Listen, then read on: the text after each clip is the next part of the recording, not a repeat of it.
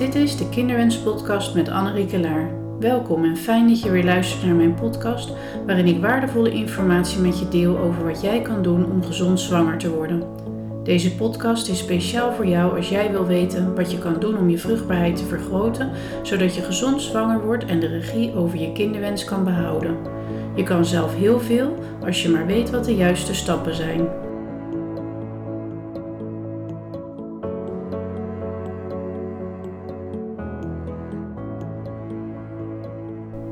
Wat vertelt je menstruatiecyclus jou? Daar gaat deze podcast over.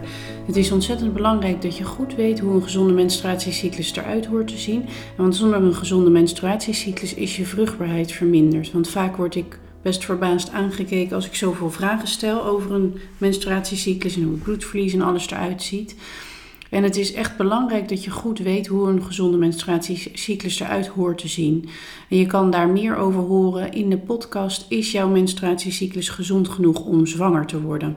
Daar vertel ik precies hoe een gezonde menstruatiecyclus eruit hoort te zien.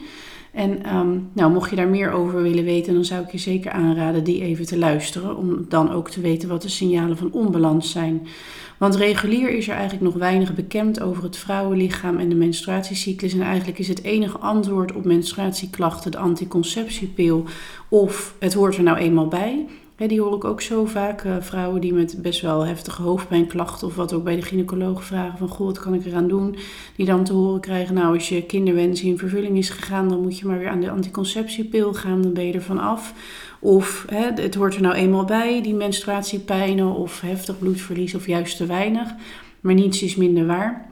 En het betekent veel over je gezondheid. En, en, uh, en, en als je daar iets aan doet, kun je daarmee je vruchtbaarheid en je hormonen helemaal in balans brengen. En of je nou natuurlijk zwanger wil worden of kiest voor bijvoorbeeld een IVF-traject, dan betekent dat heel veel voor de kans van slagen. Nou, in deze podcast wil ik um, het graag heb, met je hebben over wat het kan betekenen als je cyclus niet optimaal in balans is. En wat je kan, zou kunnen doen of onderzoeken. En ik hoop ook echt dat je daarmee aan de slag gaat, want ik zie keer op keer weer het grote verschil. Ook voor de kans van slagen van het IVF-traject. Het, het, is gewoon, het heeft gewoon minder kans van slagen als je daaraan begint met een cyclus die niet in balans is.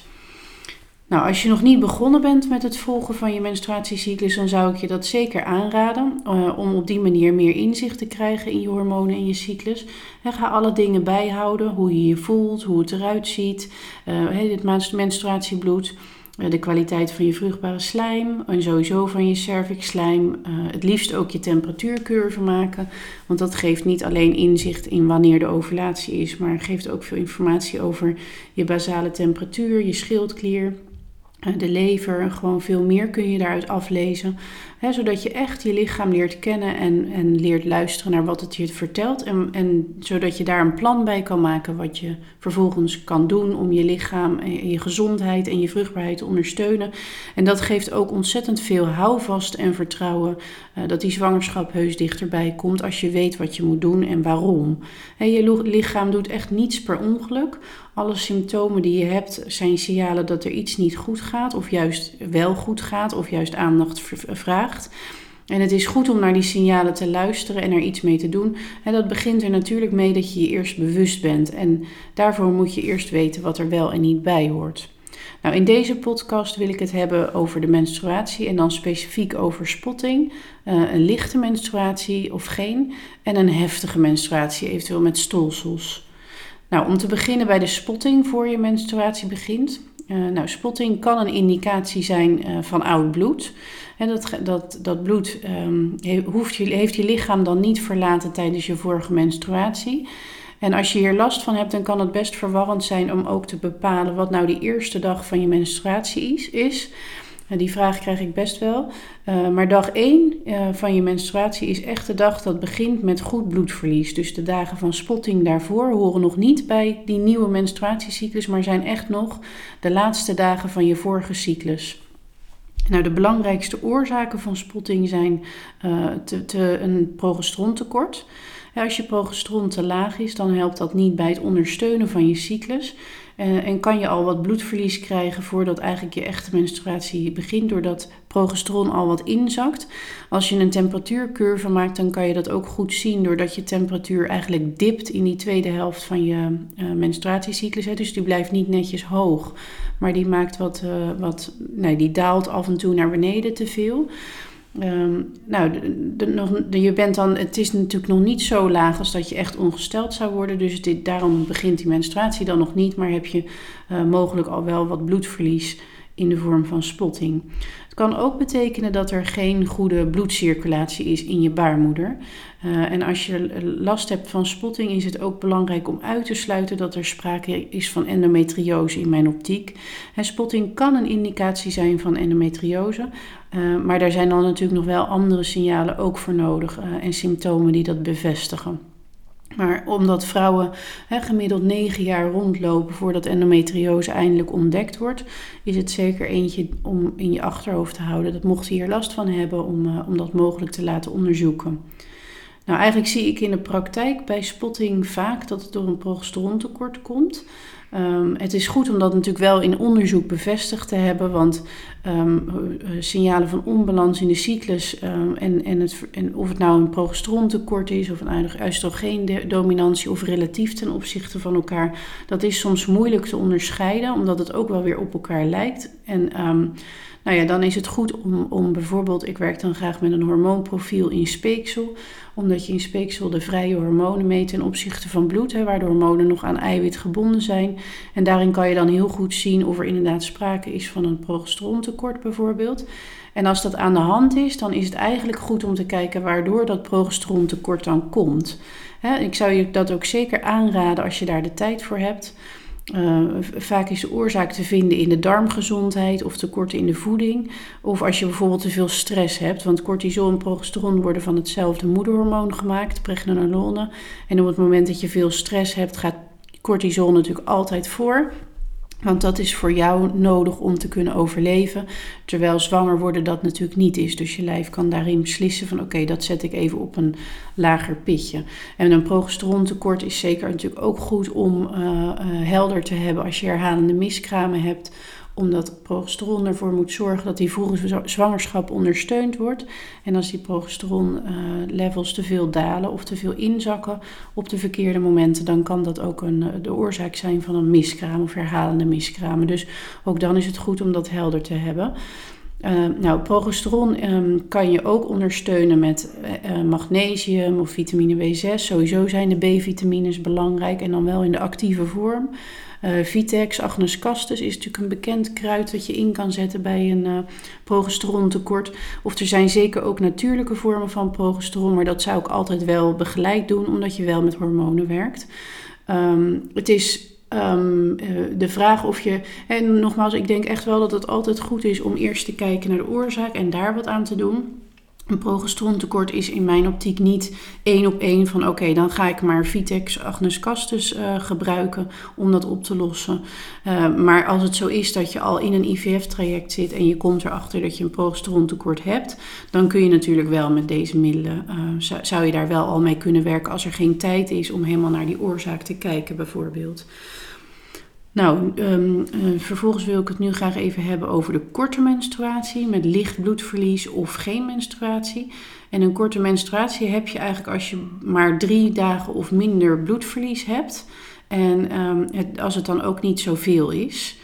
Uh, wat, wat zou dat kunnen betekenen? Nou, het zou kunnen betekenen dat je een oestrogeentekort hebt. Ja, oestrogeen is het groeihormoon en onder invloed van oestrogeen groeit het baarmoederslijmvlies in die eerste helft van je cyclus. En als je een oestrogeentekort hebt, dan kan het zijn dat dat baarmoederslijmvlies zich niet goed opbouwt.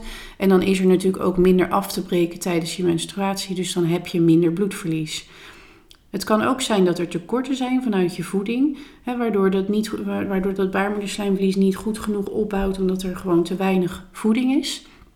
Of ook hier kan weer die slechte bloedcirculatie een, oorzaak zijn.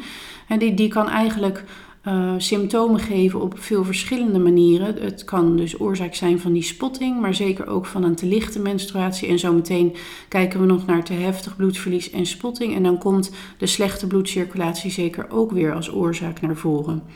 Nou, allereerst is het belangrijk dat je de oorzaak voor het weinige bloedverlies uitzoekt. Dat blijft eigenlijk, vind ik, altijd. Bij wat voor signalen je dan ook krijgt van je lichaam. Kijk naar wat de oorzaak is, waarom het is dat het is. Uh, en je kan zeker beginnen met het veranderen van je voeding, omdat dat vaak al heel impactvol is. Uh, en als je echt het gevoel hebt dat, er, dat het komt door een hormonale onbalans, dan is het wel verstandig om daar dan hulp bij te zoeken en, en wat onderzoek te doen uh, om de oorzaak helder te krijgen en daar dan een passend plan voor te maken. Nou, voor de voeding, als je daar uh, om te beginnen mee aan de slag zou willen gaan, dan is het belangrijk om naar een aantal onderdelen te kijken in je voeding. het eerste is of je wel voldoende proteïne eet, hè, dus of je eiwitterinname hoog genoeg is. Uh, of je voldoende gezonde vetten binnenkrijgt. Hè, want dat, dat helpt echt bij het in balans brengen van je hormonen, omdat we hormonen bouwen op vetten. En we zijn uh, best een beetje bang geworden naar vet, voor vetten in onze voeding, uh, omdat dat natuurlijk ook wel bij kan dragen aan allerlei gezondheidsproblemen. Maar dat gaat echt over de verkeerde vetten. Vrouwen hebben de gezonde vetten absoluut nodig voor gezonde cellen, gezonde hormonen, uh, nou noem het. Dus zorg dat je die voldoende in je voeding hebt. Uh, je moet voldoende drinken, want uh, je bloed en je cellen hebben natuurlijk voldoende vocht nodig om goed te kun kunnen functioneren. Uh, dus kijk of je inderdaad voldoende water tot je neemt.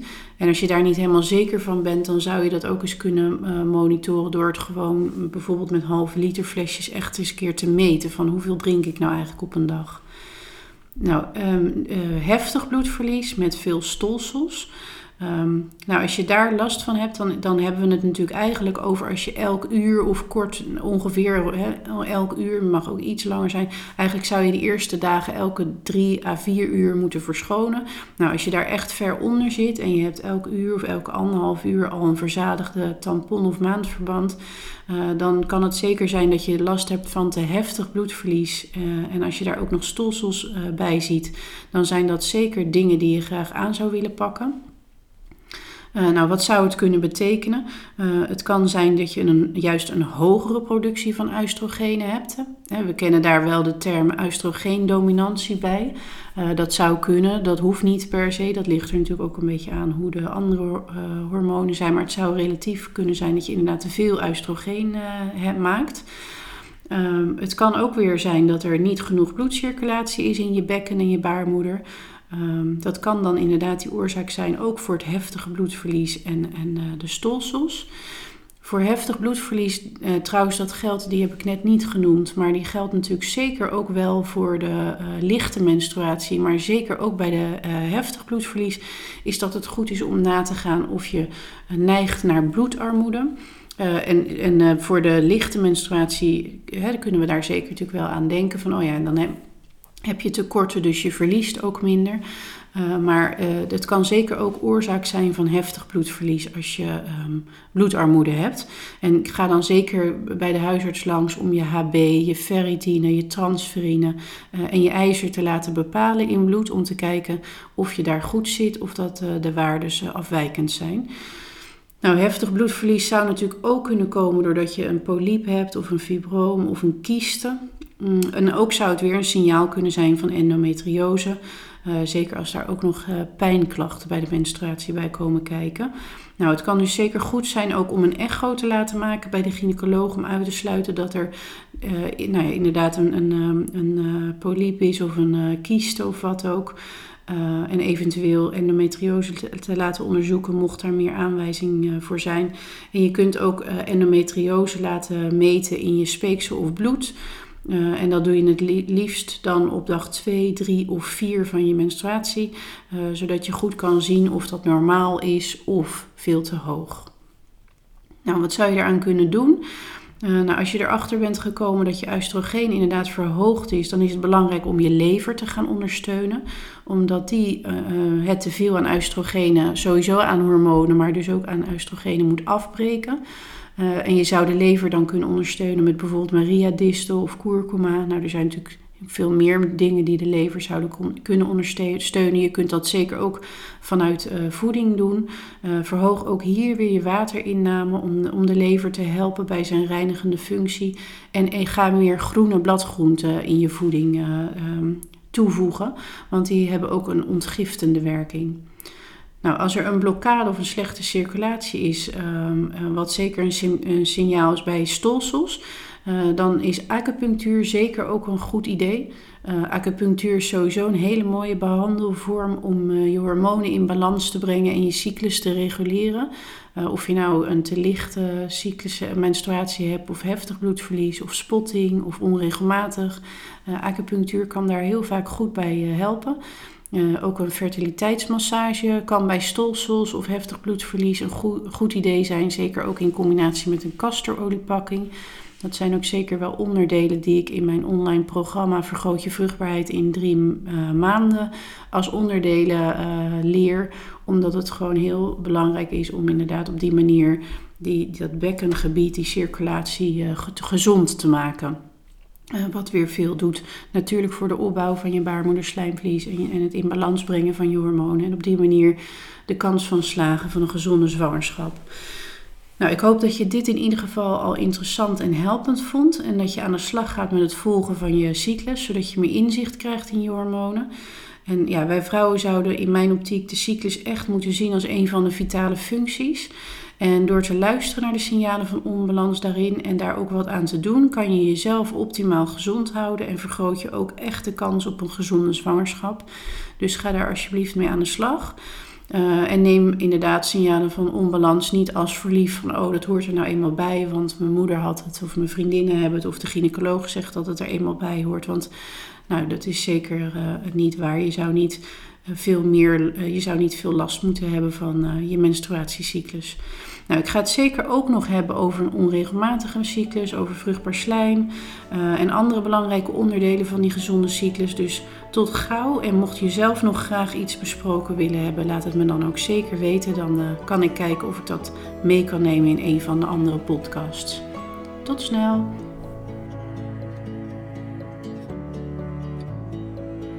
Fijn dat je luisterde naar deze aflevering van de Kinderwens Podcast hoop dat het je heeft geïnspireerd, vragen heeft beantwoord of misschien juist vragen heeft opgeroepen. Heb je vragen of wil je reageren op deze podcast? Stuur dan een e-mail naar info@centrumvoorkinderwens.nl. De Kinderwens podcast is ook te vinden op Facebook, Instagram en LinkedIn.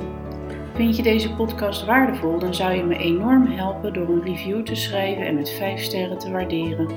En wil je de podcast overzichtelijk onder elkaar? Abonneer je dan. Jij bent dan ook de eerste die hoort als er een nieuwe podcast beschikbaar is. Deze podcast wordt mogelijk gemaakt door Centrum voor Kinderwens. Wil jij graag je vruchtbaarheid vergroten? Dan is er het programma Vergroot je vruchtbaarheid in drie maanden. Meer informatie vind je op www.centrumvoorkinderwens.nl. Mijn naam is Annerieke Laar. Bedankt voor het luisteren en tot de volgende keer.